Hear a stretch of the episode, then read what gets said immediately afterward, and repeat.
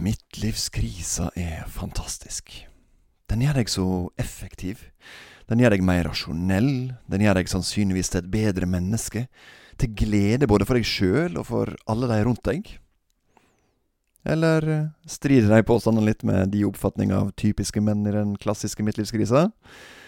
Jeg har jo spurt dere om hva assosiasjoner dere får til en mann i midtlivskrise. Og svaret er desperasjon. Panikk. Jeg har laga ei ordsky av beskrivelsene dere har gitt meg gjennom den eh, store midtlivskriseundersøkelsen, og det som lyser opp, er desperat mann. Han kjøper ting. Plutselig. Sportsbil. Trening. Utroskap. Ingenting om eh, rasjonell effektivitet og et bedre menneske der. Men ok, da. Vi får se hva slags oppfatning som overlever dagens episode av Midtlivsmannen.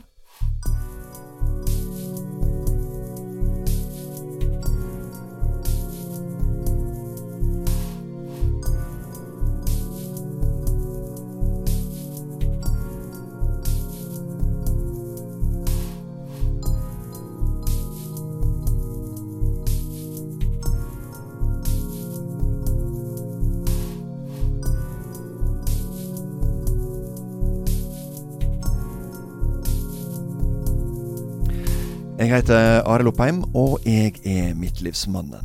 En ganske vanlig familiemann som nettopp har runda 43 år. Og jeg oppdaga at jeg var ei tikkende midtlivskrisebombe. Og starta det prosjektet her for å avverge og eksplodere i ei klassisk midtlivskrise. Men nå er ikke jeg sikker lenger. Kanskje hadde jeg allerede eksplodert da jeg for et drøyt år siden slutta i det som hadde vært min faste jobb i nesten 20 år.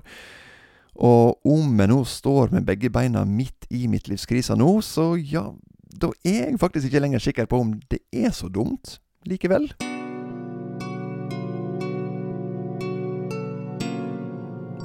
I denne serien her så prøver jeg iallfall å forstå midtlivskrisa. Et fenomen som vi alle ser og mange kjenner på, men som forskerne sliter med å bevise. Jeg møter offer for midtlivskrise, jeg møter øyevitner til midtlivskrise, og fagfolk. Og I forrige episode så møtte vi psykolog Magnus Hytt, og snakka om dødsangst. Er det det som er den grunnleggende midtlivskrisetriggeren? Om ikke dødsangst i betydning akutt og irrasjonell frykt for døden, så mer en slags dødsbevissthet. Han fortalte jo at eh, i 20-åra så har en en tendens til å leve og tenke som om en er udødelige. I 30-åra og småbarnskaoset, da har en jo knapt nok tid til å reflektere over livet. Men når en bikker 40, og i alle fall når du er over i 50-åra, så går det opp for oss at livet, det har en slutt. Og vi begynner å forholde oss til den der slutten. Dødsbevissthet. En slags rasjonell dødsangst. Den kan absolutt få oss til å ta mange irrasjonelle valg likevel, og gjøre stor og uopprettelig skade, og det skal vi definitivt få eksempel på seinere i episoden. For det er jo mannfolka som framstår som paniske og kortpanna, som er midtlivskrisas uelegante gallionsfigurer. Og det er jo derfor dokka og våre assosiasjoner til midtlivskrise går mot panikk, desperasjon og alt som plutselig skjer om så det er hårfarging, utroskap eller kjøp av sportsbil. Men midtlivskrisa har òg rasjonelle, og det begynner å gå for meg, positive sider ved seg.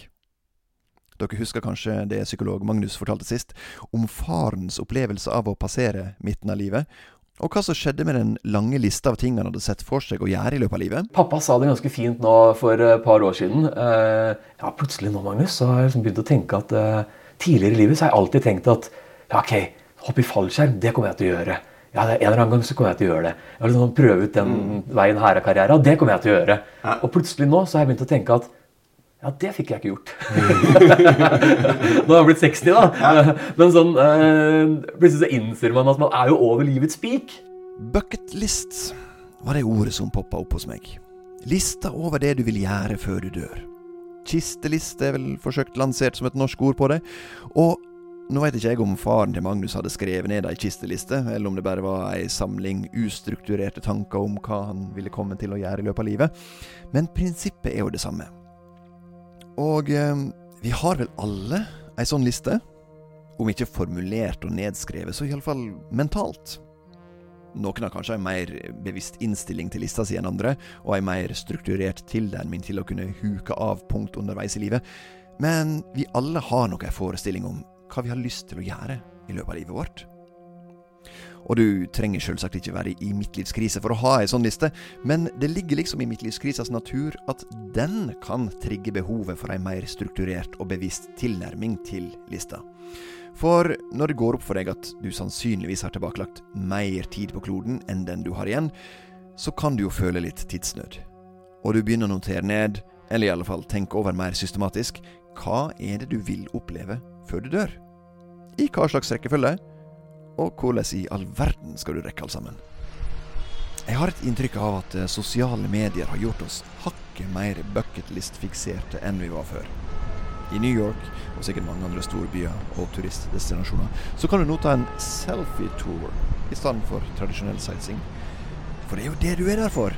Få knipse den der ultimate selfien og poste det som et bevis, sånn at hele verden kollektivt kan huke for Jepp, nå har du vært der.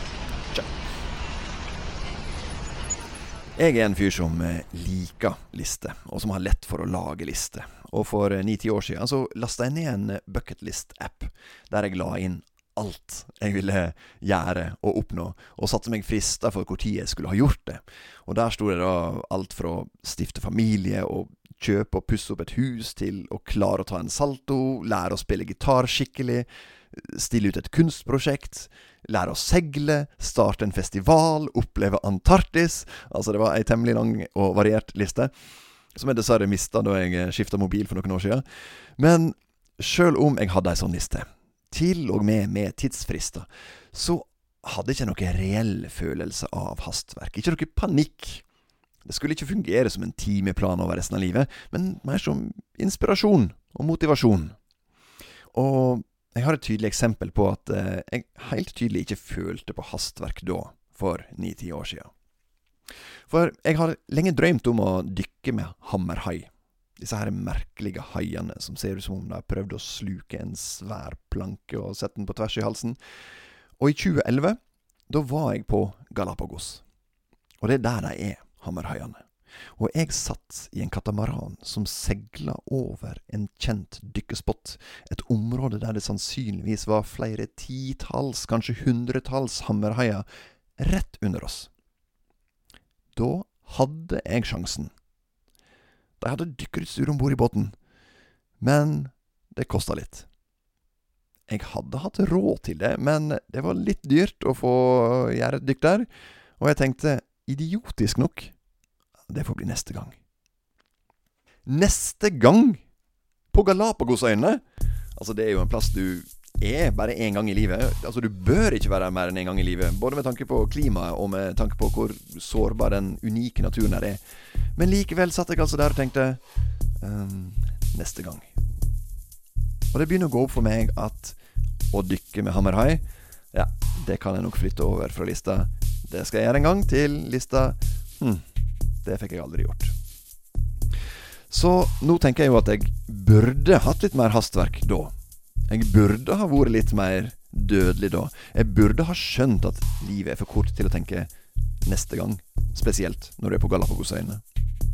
Jeg må skjerpe meg. Sånne muligheter kan ikke få glippe så lett.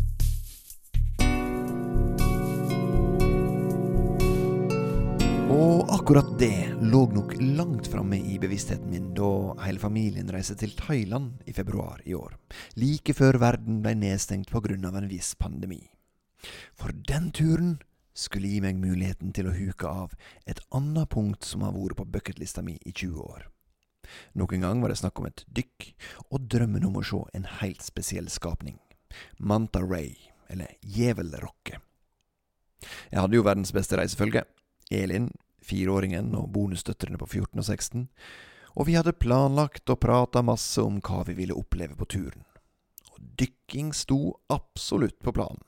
Tenåringene hadde tatt prøvedykk hjemme for å forberede seg, og jeg hadde vist dem YouTube-videoer av Djevelrocker. Men jeg hadde ikke rukket å gjøre research på nøyaktig hvor i Sør-Thailand jeg får dykke med dem, og jeg hadde nok ikke snakka med Elin om i hvor stor grad jakta på gjevelrokka skulle få prege ferien vår. Jeg hadde vel bare håpet det skulle ordne seg underveis. Men eh, det var kanskje litt mye å håpe på. Ah, jeg ligger i ei hengekøye utafor en bungalow med herlig utsikt over uh, turkist hav. Vi er på Koh sør i Thailand. Vi har nå vært her i to døgn, og det er reinskjær idyll. Likevel så har jeg klart å gå i den litt sånn klassiske feriefella. Jeg har vel eh, sett for meg at eh, når en er i Sør-Thailand, så er hovedattraksjonen eh, ja, Det er fint, det som er over vann, men det er minst like fint det som er under vann. Og vi har snakka om dykking og snorkling og båtturer, og jeg har liksom sett for meg at vi nesten skal tilbringe halvparten av tida under vann og halvparten over. Mens Elin da kanskje virker som hun mer ser for seg kanskje en tur eller to i løpet av hele oppholdet her. Det er ganske typisk i parforhold å ikke diskutere godt gjennom eh, hva en egentlig forventer av ferie. Trodde egentlig vi var godt trent hit her nå, men uh, vi klarte tydeligvis å gå i fella en gang til. Og det kan hende det her treffer litt ekstra meg nå i den midtlivsfasen. Jeg merker liksom at den her eh, bucketlist-tankegangen min ligger langt framme i pannebrasken. Og på flyet nedover hit så satt jeg og tenkte gjennom at uh, på den turen her så er det én ting jeg skal oppleve. I tillegg til å ha det hyggelig med familien, så skal jeg klare å få dykke med en av de gigantiske, majestetiske, fascinerende skapningene Manta Ray. Helt siden jeg dykka for første gang som 20-åring, har det vært det jeg har drømt om å oppleve under vann. Så er jeg nå nærmere å kunne oppleve det enn noensinne.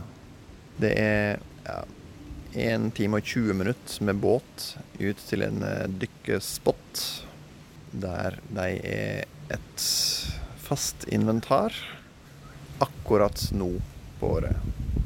Og jeg innser at jeg sannsynligvis aldri seinere i mitt liv kommer til å være like nær ut ifra tilfeldige ferier og den slags. Jeg kan selvfølgelig reise ens ærend og prioritere, men er så, det er ikke så viktig for meg at jeg vil reise ens ærend alene fra Norge til Thailand og dykke med dem for å oppleve det. Men når jeg først er her, og når jeg har muligheten, og det er noe jeg har drømt om i 20 år, så virker det meningsløst å ikke prøve å, å få oppleve det. Så denne uenigheten den går jo da på hvor mye vi skal stappe inn dagene her. Hva tempo vi skal ha. Hvor mange snorkleturer, hvor mange dykketurer. Vi har jo en fireåring med i følge her. Dykking og fireåring er veldig dårlig kombo. Så det er klart at jo mer vi skal dykke, jo mindre samla familietid blir det. Ja. Når vi først har reist på andre sida av kloden, så skylder vi klimaet og eh, våre egne bucketlists å oppleve alt vi kan oppleve her innenfor den tida vi har før jeg reiser tilbake. Samtidig er det litt dumt å reise på andre sida av kloden for å um, skape dårlig stemning i familien. Så vi får se hvordan det her ender.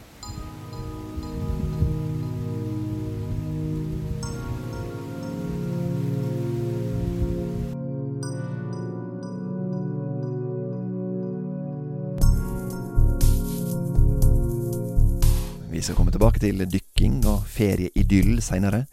Men dette her med bucketlist, eller kisteliste, hva er vanlig å ha på sånne lister? Forskjellige reisemål, festivaler, opplevelser er noe ganske vanlig. Som å se den kinesiske mur, å gå på Galdhøpiggen, å hoppe i fallskjerm og kjøre en Ferrari f.eks.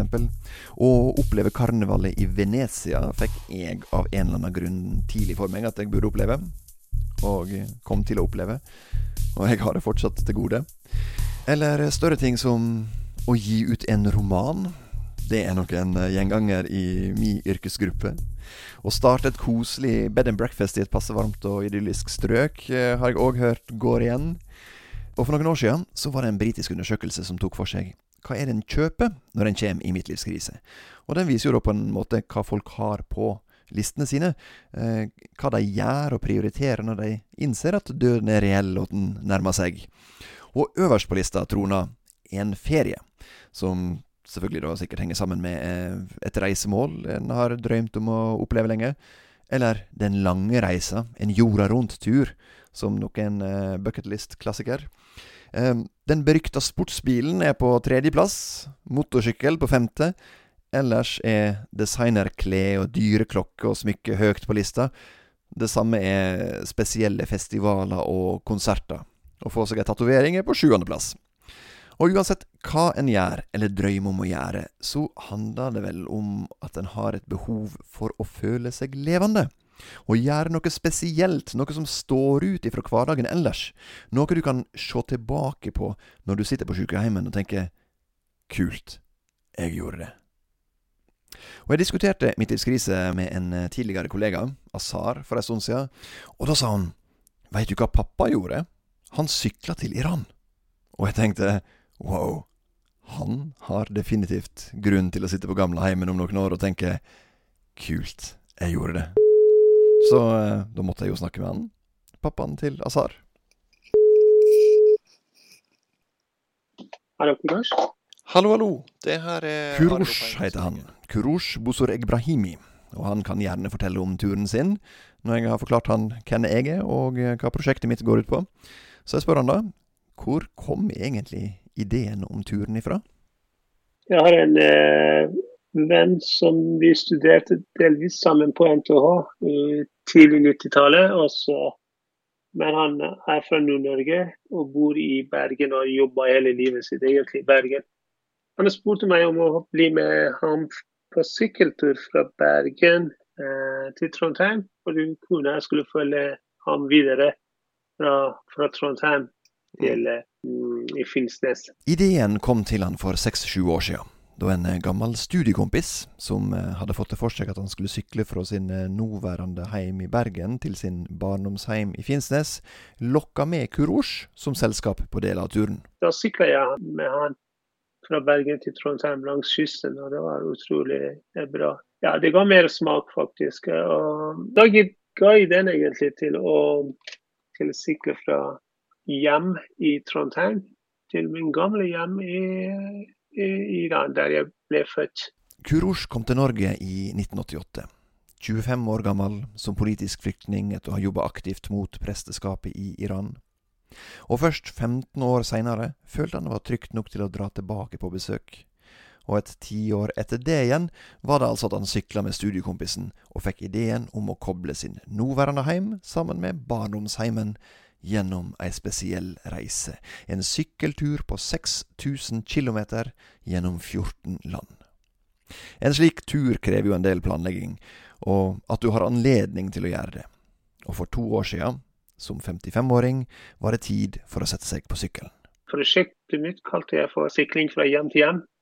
Nå er det jo ganske vanlig i sånn 40-åra, 50-åra, kanskje spesielt når en passerer runde tall, at en tenker over livet og hva en har lyst til å få gjort mens en fortsatt er i livet. Altså, er det noe du kan kjenne deg igjen i, fra da du la planene om ditt, din livs sykkeltur? Ja, det kanskje Jo, det er, det er jo det. Det er til en viss grad. Jeg hadde jo tenkt å gjøre den turen. Um, men en annen sett tenkte at jeg må gjøre det mens jeg kan. Mm. kan ikke, så jeg har ikke all verdens tid til å vente. Kurosh har ikke sett på det han gjorde som noe midtlivskrise. Han hadde liksom ikke krisefølelse. Men likevel så har turen en del fellestrekk med slikt som folk finner på når en passerer midten av livet. Det å koble sammen fortid og nåtid. Å få en dragning mot og interesse for røttene sine på den ene sida, og være framtidsretta på den andre. Du ser nostalgisk bakover, samtidig som du holder et stødig øye framover mot døden. Så vi, er faktisk har to alternativer. Enten, enten å gå hele veien, mm. ta ryggsekk og begynne å gå. Og det er eh, ca. 6000 km, så det er ikke bare Det tar tid. Jeg tenkte at nei, det er eh, det beste å sykle, for da sparer jeg en del tid. ja. ja. Hvor lang tid brukte du på turen, da? Jeg brukte totalt 60 ja, det er 67 dager jeg brukte. Jeg brukte 50 dager av dem brukte jeg på sykkel. To dager ble brukt til å tok en sånn cargo-ferje fra Bulgaria. Så to dager gikk der, og så ellers jeg måtte jeg jobbe to-tre dager faktisk midt i den. Ja. Jeg var, jeg var, jeg var såkalt chair i en, i en konferanse.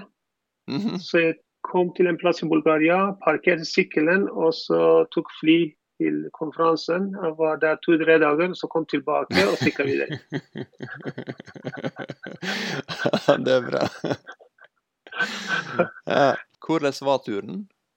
Det var veldig bra. Anbefales. Ja. Møtet med menneskene var jo helt eksepsjonelt bra. Jo lenger sør du kommer, jo da måtte du ganske mange spesielt. Da jeg sykla jo disse småveiene. Da kommer landsbyene tett etter hverandre. Så du passerer masse landsbyer. Som noen av dem har ikke sett. Altså i Midt-Europa, ja. Men spesielt hvis du drar mot Georgia, Bulgaria, eh, Romania. Da jo, de har ikke sett syklister. Det er ikke så mange turister i de, de plassene. Ja. Så du møter eh, folk, nysgjerrige folk. Folk som har masse spørsmål. Du får, jeg blir jo spandert brød og mat og te og drikke mange plasser. Så er, man opplever verden på en helt annen måte. Det slår meg etter praten med Korosh at uh, hans sykkeltur er jo i en helt annen liga enn mine bucketlist-punkt om å dykke med hammerhai eller djevelrocke. En sånn sykkeltur er ikke noe du ofrer et par timer og et par tusenlapper på, får et øyeblikks rus av ekstase før du sier check, og så stresser videre i livet. Det er tydelig at reisa var målet, at opplevelsene og møter med mennesker underveis, spesielt i fattige, fjerne og konfliktfylte områder, ga han en kunnskap om livet og verden som gjør at han ikke bare kan si kult, jeg gjorde det, når han sitter på gamleheimen, men at det kan påvirke han som menneske for resten av livet. Jeg kjenner jeg eh, umiddelbart får et behov for å revidere min egen kisteliste. Sortere vekk et par eh, meningsløse punkt. Jeg har jo f.eks. tenkt at eh, jeg skal klare å bli verdensmester i et eller annet. Jepp. Verdensmester. Om jeg bare finner en sær nok konkurranse, så kan jeg jo klare det. Jeg har faktisk en fjerdeplass fra et VM å skilte med. Fra VM i myrsnorkelsykling i 2007. Det eneste den fjerdeplassen har gitt meg, er jo egentlig ei god historie. Og det er fint med gode historier, men heller ikke så mye mer enn det. Fint. Og om jeg hadde vunnet og blitt verdensmester, så hadde nok heller ikke det gjort meg til noe bedre menneske. Så jeg stryker herved å bli verdensmester fra bucketlista mi.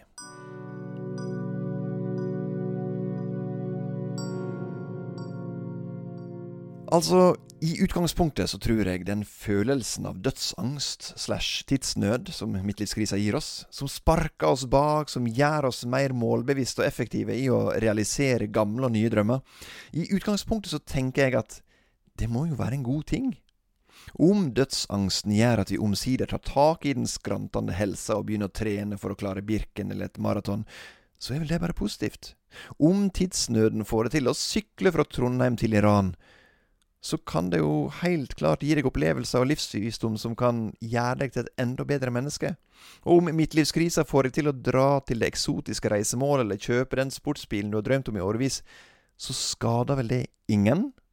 Verden blir jo bare bedre jo flere 40- og 50-åringer som smiler i lykkerus over å oppfylle måla sine, mens de huker av punkt for punkt på kistelista si. Ja, men jeg ser sjølsagt at det ikke er alt menn midt i livet får det for seg at de må gjøre, som er harmløst.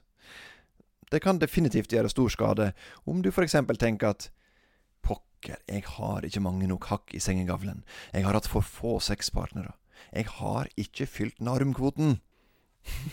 Du har sannsynligvis ikke hørt om narumkvoten før, men nå skal du få høre om den.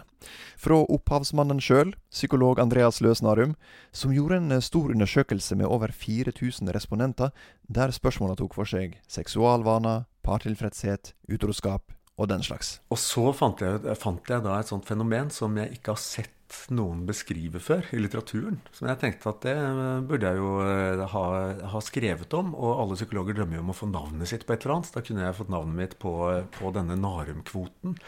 Og spørsmålet er da, da spør jeg deg, Arild.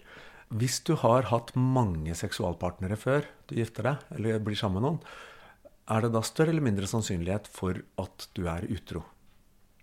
Um, det, har det noe å bety? Ja, altså, jeg, jeg, vil jo tenke at Nei, altså, det her er et vanskelig spørsmål. Eh, ok, Hvis jeg skal prøve å tenke på meg sjøl, da. Ja. Så tenker jeg kanskje at hvis tallet er lavt, så er sannsynligheten større for at jeg vil eh, være nysgjerrig på hva som er der ute. Og det har du helt rett i. For det ser vi da at de, eh, i den eh, gruppen av 4000 nordmenn som jeg målte, så er det større sannsynlighet for utroskap hvis du har hatt færre seksualpartnere før du blir sammen med noen. Er, men, det, men, folk flest de tror at det er omvendt. Hvis du spør folk, så tenker de noe i retning av at ja, hvis du har vært skikkelig Don Juan og hatt masse seksualpartnere, så er du kommet i siget på en måte. Da er det blitt en vane. Men det, virker, det kan virke da som at eh, det ikke er sånn. At, at da er På et eller annet tidspunkt så føler du at du da har hatt et tilstrekkelig antall seksualpartnere til at du da kan slå deg til ro og være trofast resten av livet. Men det som, også, det som, også, var gøy, det var at jeg fant jo ikke ut Dette handlet jo ikke om konkrete tall eller konkrete nivåer. Det, og derav Narum-kvoten. Så jeg ser jo da for meg at for noen så er, er det tilstrekkelig å ha hatt to-tre seksualpartnere. Mens andre må ha hatt altså massevis før de da har oppfylt sin normkvote. Det er altså den, det antallet seksualpartnere du må ha hatt før du inngår fast relasjon for at du ikke skal være utro. Og det er altså et individuelt tall, så ja Hvor mange du må ha hatt for at du skal være tilfreds med din egen spredning av uh, ikke genene, men uh, ja. Utprøving. At, at, du har prøvd Du føler at du har, du har prøvd det som Du har prøvd nok til at du er tilfreds med å være der du er. Mm. Og sånn i midtlivskrisesammenheng her, så, så, er det jo rett og slett at ja, hvis du ikke har fylt normkvoten din, så er det da større sjanse for at du eh, går på en midtlivssmell? Absolutt. Så hvis du da oppdager eh, som eh, 35 til 45 så er du plutselig blitt sånn litt sikrere på deg selv og vet hvem du er, og du, og du er ikke så, så, redd for å ta kontakt med folk, kanskje. Eller, eller, kanskje du kommer i kontakt med mange på jobben. Så ser du at her har jeg plutselig spennende muligheter som jeg aldri hadde som tenåring eller mens jeg var i 20-årene. Og så er det, er det, rett og slett litt for tungt å si nei. Mm. Og, og, og, da, fordi du har ikke oppfylt normkvoten din, og da er, du, da må du, da er det et sånn sterk, sterk drift, da. Bokstavelig talt, som gjør at du, at du da skeier ut og begynner med et sidesprang, og så ender det kanskje i skilsmisse og så videre, hele balletten. Nei, men normkvoten, altså. Kjenn etter. Eller kanskje ikke.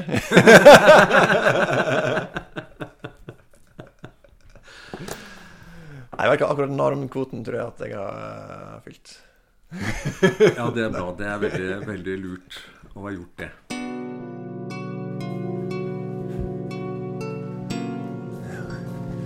For en sjokoladerbåt båtene som ligger her, Sigurd. Å, for et nydelig vær. Skal vi ta den gule båten ute? Mm, jeg vet ikke, Kanskje den gule? Jo, fordi mamma og jeg så på en film Grytidlig en morgen er vi på vei ned til havna på Koh Phi Phi. Den lille paradisiske øygruppa såpass langt fra det thailandske fastlandet at alt du ser er blå himmel og blått hav. Nå skal vi dykke. Skal vi vente til han kommer hit? Nei, vi skal gå en plass der det sitter mange og venter på oss. Og så skal vi kjøre med en båt ut til den øya som er der ute. Og så skal vi få på oss eh, dykketing. Så skal vi dykke. Men ikke mamma og jeg. Nei, ikke mamma og du. Fordi mamma må passe på meg. på. Ja. Mamma skal passe på deg på båten. Det ble dykking på meg i Thailand. Men eh, ikke helt som jeg hadde forestilt meg. Vi dro nemlig ikke dit Gjevelrokkene er. Det blei en annen dykkespott. Det blei jeg og familien min, ikke jeg og Gjevelrokka. Jeg skal ikke prøve å framstille det som en rasjonell tankerekke underveis, og en bevisst prioritering av familiens beste. Altså, det blei inga Gjevelrokke fordi jeg feiga ut. Eller var fornuftig, godt mulig. Uansett, eh, det var såpass lenge siden forrige gang jeg hadde dykka, og der Gjevelrokkene er fast inventar, der er det såpass sterke strømmer at det går for å være et dykk for viderekommende, og jeg har strengt tatt vært nybegynner i 20 år. Eh, jeg hadde sikkert ikke blitt nekta eller stoppa av de som organiserer dykkinga, eh, og det hadde ganske sikkert gått bra. Kanskje jeg rett og slett følte meg for dødelig denne gangen her, men um, det hadde bare vært så flaut. Om hun hadde ofra familieidyllen på ferien for å insistere på å få se Manta Rise, og så går jeg hen og dauer. Så jeg feiga ut. Jeg fikk ikke oppleve djeveldrakka. Men jeg fikk jo tenkt grundig igjennom om det virkelig var så viktig for meg. Er det kanskje litt tilfeldig hva som har havna på denne bucketlista mi? Har jeg ei litt ukritisk lang liste?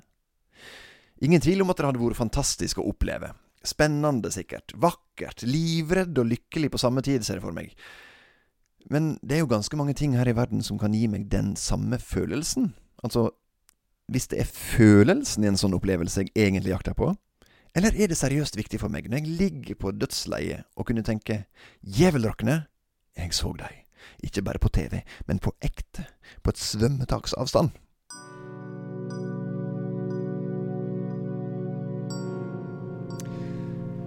I dag kan jeg fortsatt eh, kjenne følelsen jeg ga meg da jeg som 20-åring på jorda rundt backpacking kom til Sydney og fikk se Operahuset. En bygning som jeg hadde vært fascinert av helt siden jeg lærte om Australia på barneskolen.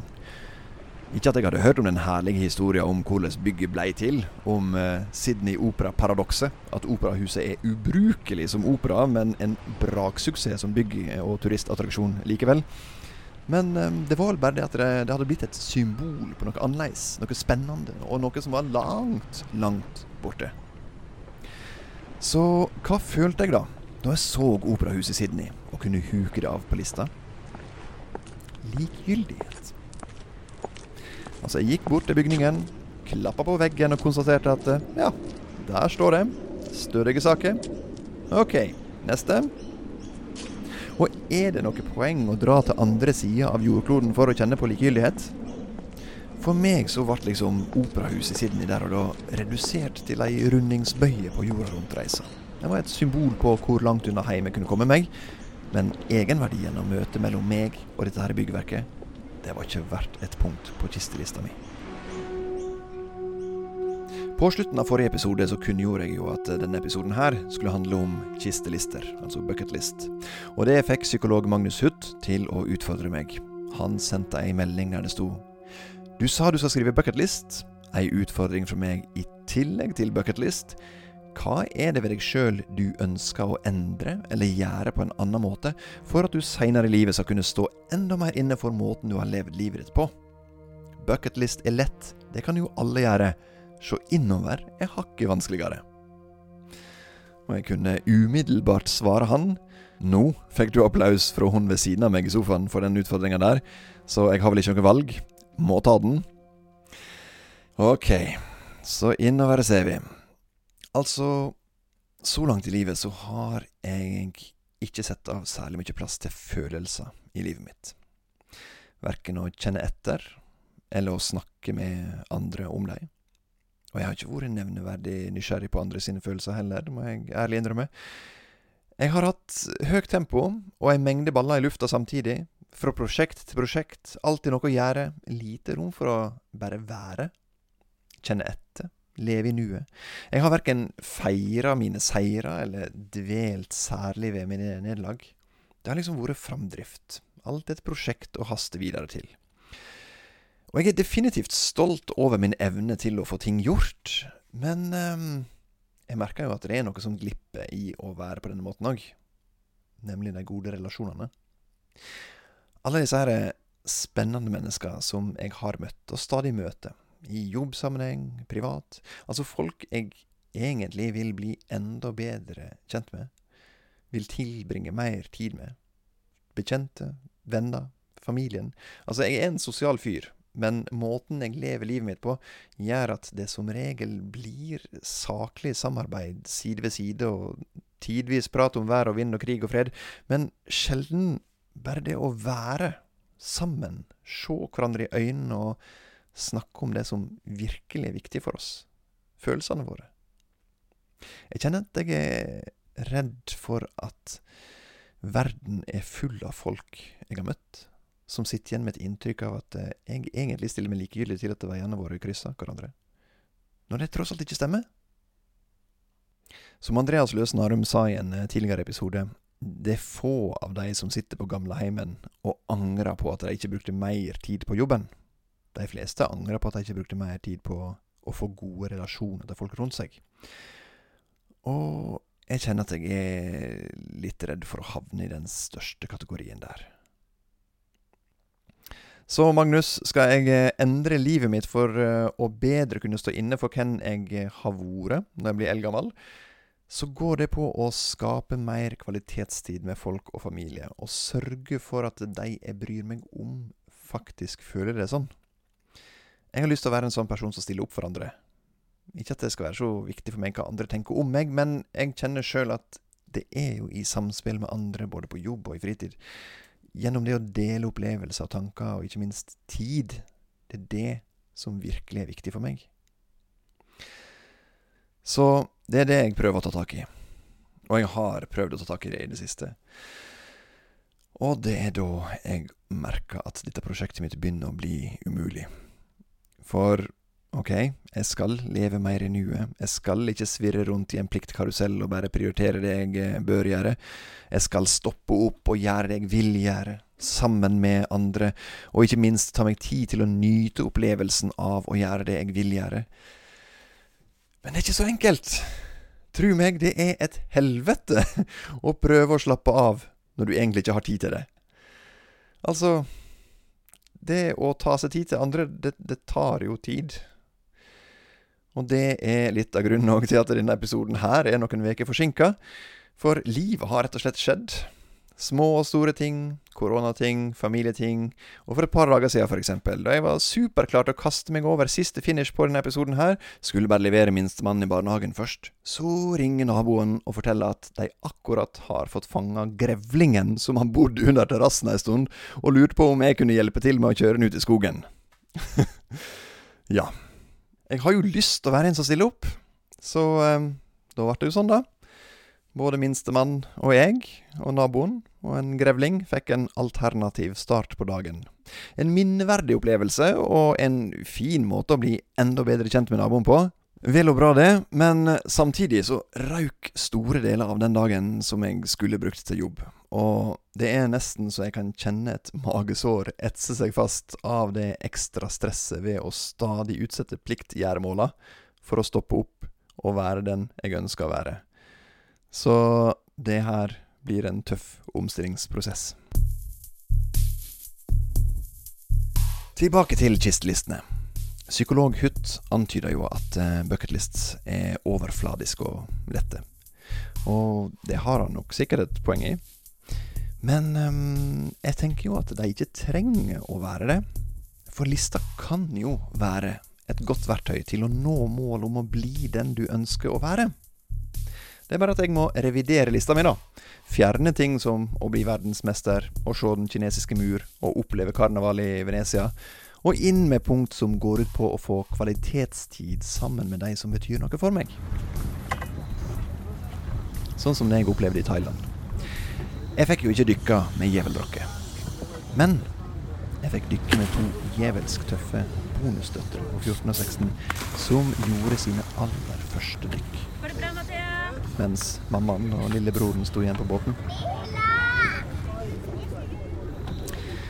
Men det Å svømme ved siden av jentene i to ganger 45 minutter. Og se gleden lyse i øynene inni maskene deres mens de fikk oppleve en helt ny verden. Fantastiske, fargerike fisk og korall. Alle Nemo-fiskene. En liten hai. Ei lita skilpadde. Verdens mest giftige slange. En stor skilpadde. Altså, øynene deres var omtrent på størrelse med gjevedrokker. Å oppleve dette her sammen med dem, det var stort og ingen gjevelrocke i verden kunne overgått det. Og i ettertid så ser jeg jo at det var det her som burde stått på bucketlista mi i utgangspunktet.